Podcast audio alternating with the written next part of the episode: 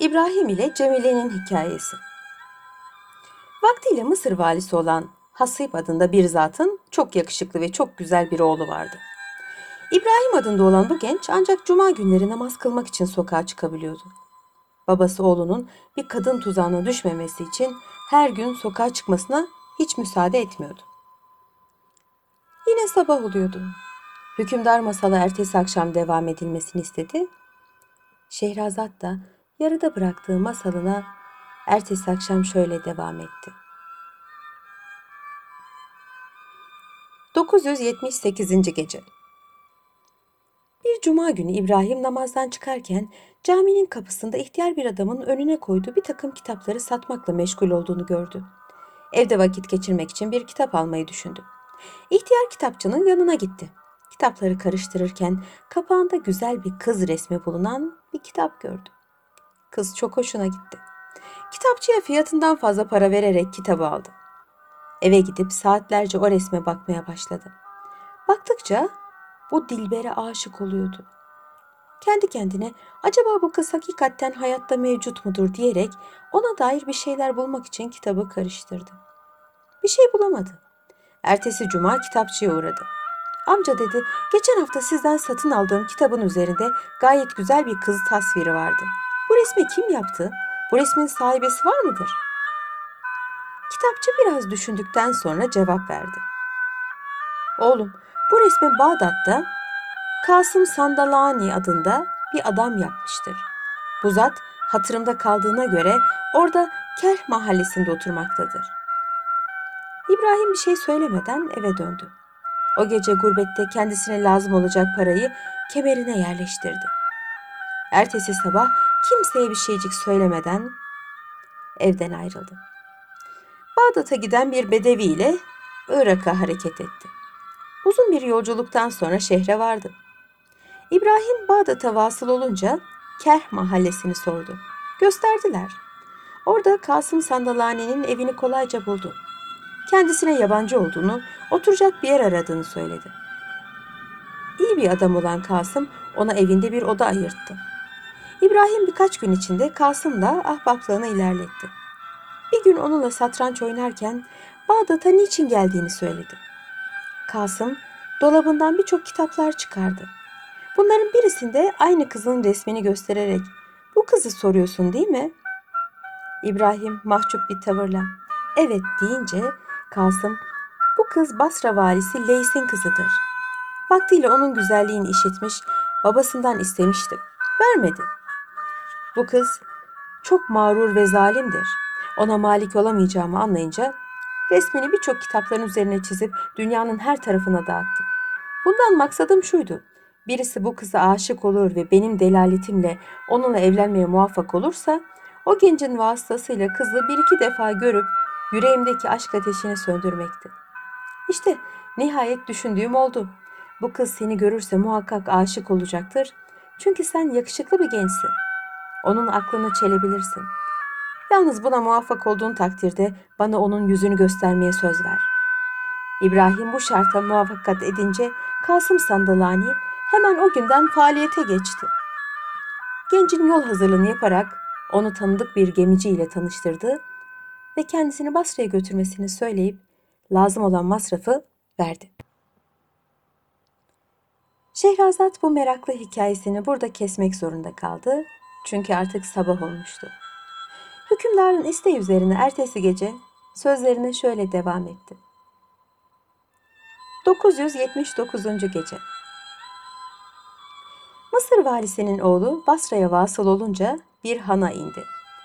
Bir iki gün içinde hanın fakir kapıcısıyla ahbap oldu. Birer vesileyle ona bol bol bahşiş vermeye başladı. İtimadını ve sevgisini elde edince de derdini ona açtı.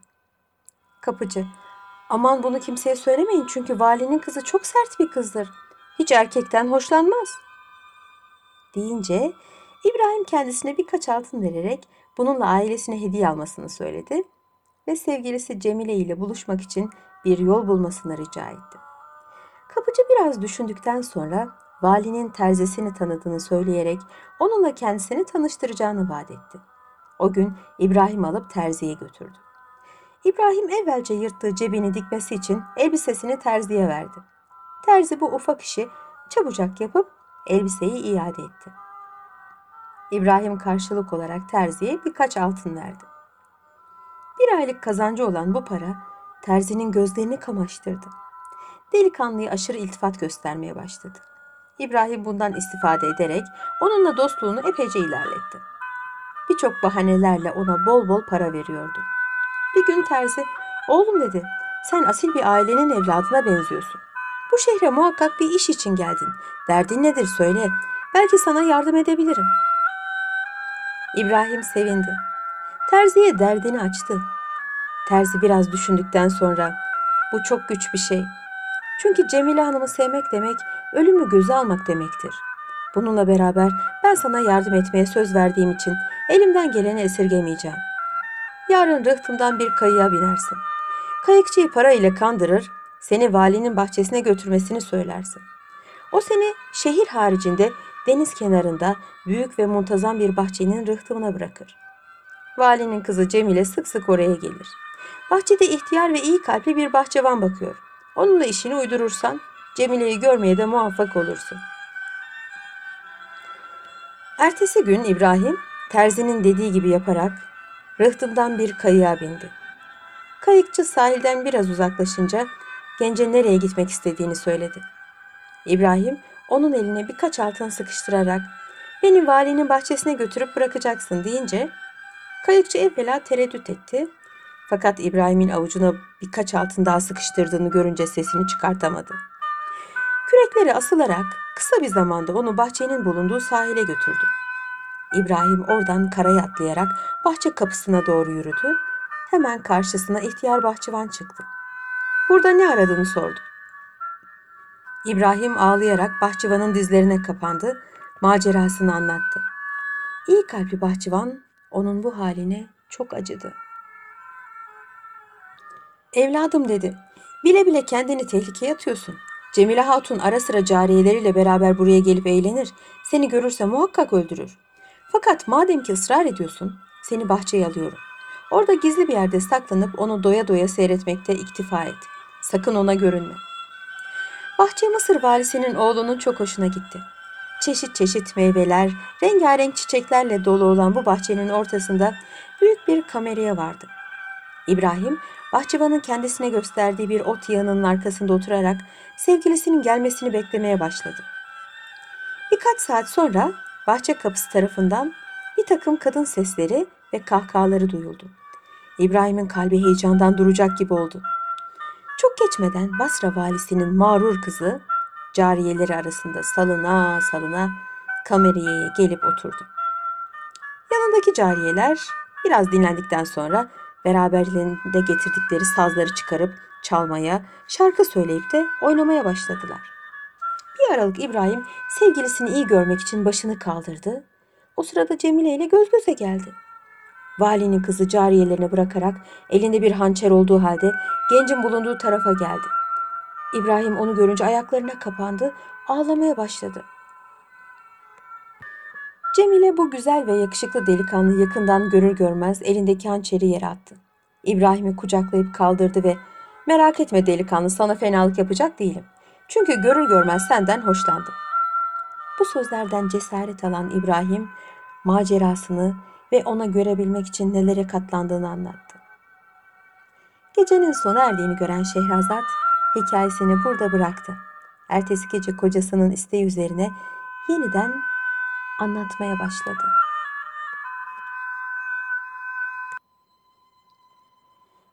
...980. Gece Üzerine Cemile'nin kalbinde ona karşı şiddetli bir aşk uyandı. Kendisiyle istediği yere kaçabileceğini söyledi ve gidip bir kayık hazırlamasını bildirdi. İbrahim emrinize bir gemi hazırladım. Yarın akşam rıhtımda buluşalım. Gemiye atlar Bağdat'a gideriz dedi. Cemile buna muvaffakat ederek delikanlının yanından ayrıldı. Cariyelerine çabuk saraya dönmek istediğini söyleyerek hazırlanmalarını emretti. Cariyeler, Sayın Hatun dediler, biz buraya üç gün oturmaya geldik. Neden hemen vazgeçtiniz? Cemile ansızın rahatsızlandığını söyleyerek onları susturdu.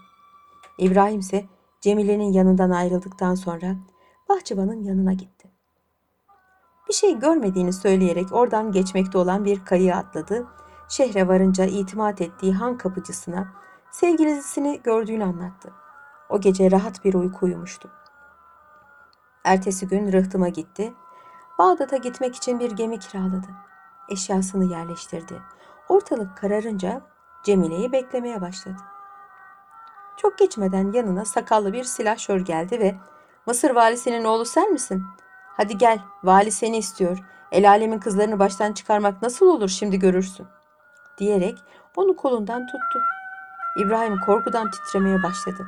Nihayet silahşör takma sakal ve bıyıklarını çıkararak beni tanımadın mı sevgilim deyince İbrahim'in yüreğine sular seller serpildi. Cemile'nin koluna girerek beni öyle korkuttun ki Cemile'cim dedi. Doğrusu iyi kılık değiştirmesini biliyorsun. İbrahim sevgilisiyle gemiye binerek Bağdat'a hareket ettiler. İyi ve rahat bir yolculuktan sonra gemileri Bağdat'a yatsıya doğru vasıl oldu.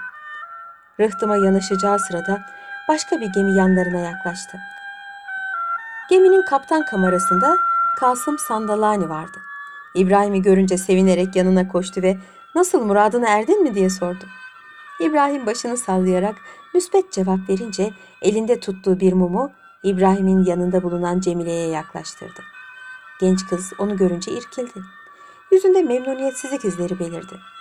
Kasım hemen gemisine dönerek evvelce hazırladığı bir tabak helvayı alıp getirdi. Onu İbrahim'e verdi. Oğlum ben mühim bir iş için Basra'ya gidiyorum. Bu helvayı bir dostuma götürecektim. Fakat sizi görünce vazgeçtim. Murada erdiğinin şerefine benden sana hediye olsun. Sevgilinle onu afiyetle yiyin. Kasım yanlarından ayrıldıktan sonra Cemile ağlayarak İbrahim'e döndü. Bu gelen adam yani Kasım Sandalani benim amcazademdir. Vaktiyle beni babamdan istemişti. Babam yaşlı olduğu için kabul etmedi. Şimdi Basra'ya gidip bizi babama haber verirse yandığımız gündür. İbrahim onu teselli ederek merak etme dedi.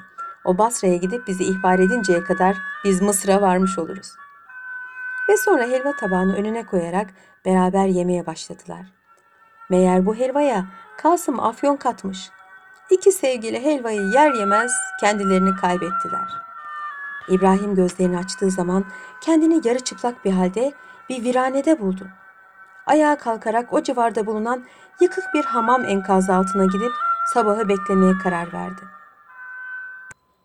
Birkaç adım atmamıştı. Ayağı o civarlarda atılmış bir insan cesedine çarpıldı. Esvabı kanla lekelendi. Yıkık hamama yaklaşınca zaptiyelerin kendisine doğru gelmekte olduğunu fark etti. Bir duvara yapışarak öylece kaldı. Biraz sonra ellerinde meşaleler bulunan birkaç zaptiyenin o taraflarda araştırma yaptıklarını sezdi. Meşalelerin ışıkları civarını aydınlatınca da İbrahim biraz evvel ayağına takılan cesedin başı gövdesinden ayrılmış, güzel ve genç bir kıza ait olduğunu gördü. Sabah olmuştu. Şehrazat gülümseyerek hikayesine ara verdi. Hükümdar da masala ertesi akşam devam etmesini istedi. Şehrazat o akşam tatlı tatlı anlatmaya başladı. 981. Gece Kendini toplamaya vakit kalmadan zaptiyeler onu görmüş olacaklar ki hemen süratle yanına gelip bu kızı sen öldürdün diyerek kendisini tevkif ettiler. İbrahim her ne kadar itiraz ettiyse de kimseye söz dinletemedi. Çünkü esvabındaki kan izleri halindeki heyecanla cinayetin işlendiği yerde bulunması aleyhinde delil teşkil ediyordu. Bağdat valisi ertesi gün İbrahim'in idam edilmesini emretti. Zavallı genci alıp siyaset meydanına götürdüler. Cellat tam boynunu vuracağı, uçuracağı sırada o esnada kendisini aramak için Bağdat'a Mısır valisinden Harun Reşid'e bir mektup getiren babasının adamlarından biri yanından atla geçti. Onu gördü, tanıdı. Cellada, aman bu delikanlıyı öldürme. Bu Mısır valisi El Hasib'in oğlu İbrahim'dir. Onu aramak için halifeye mektup getirdik.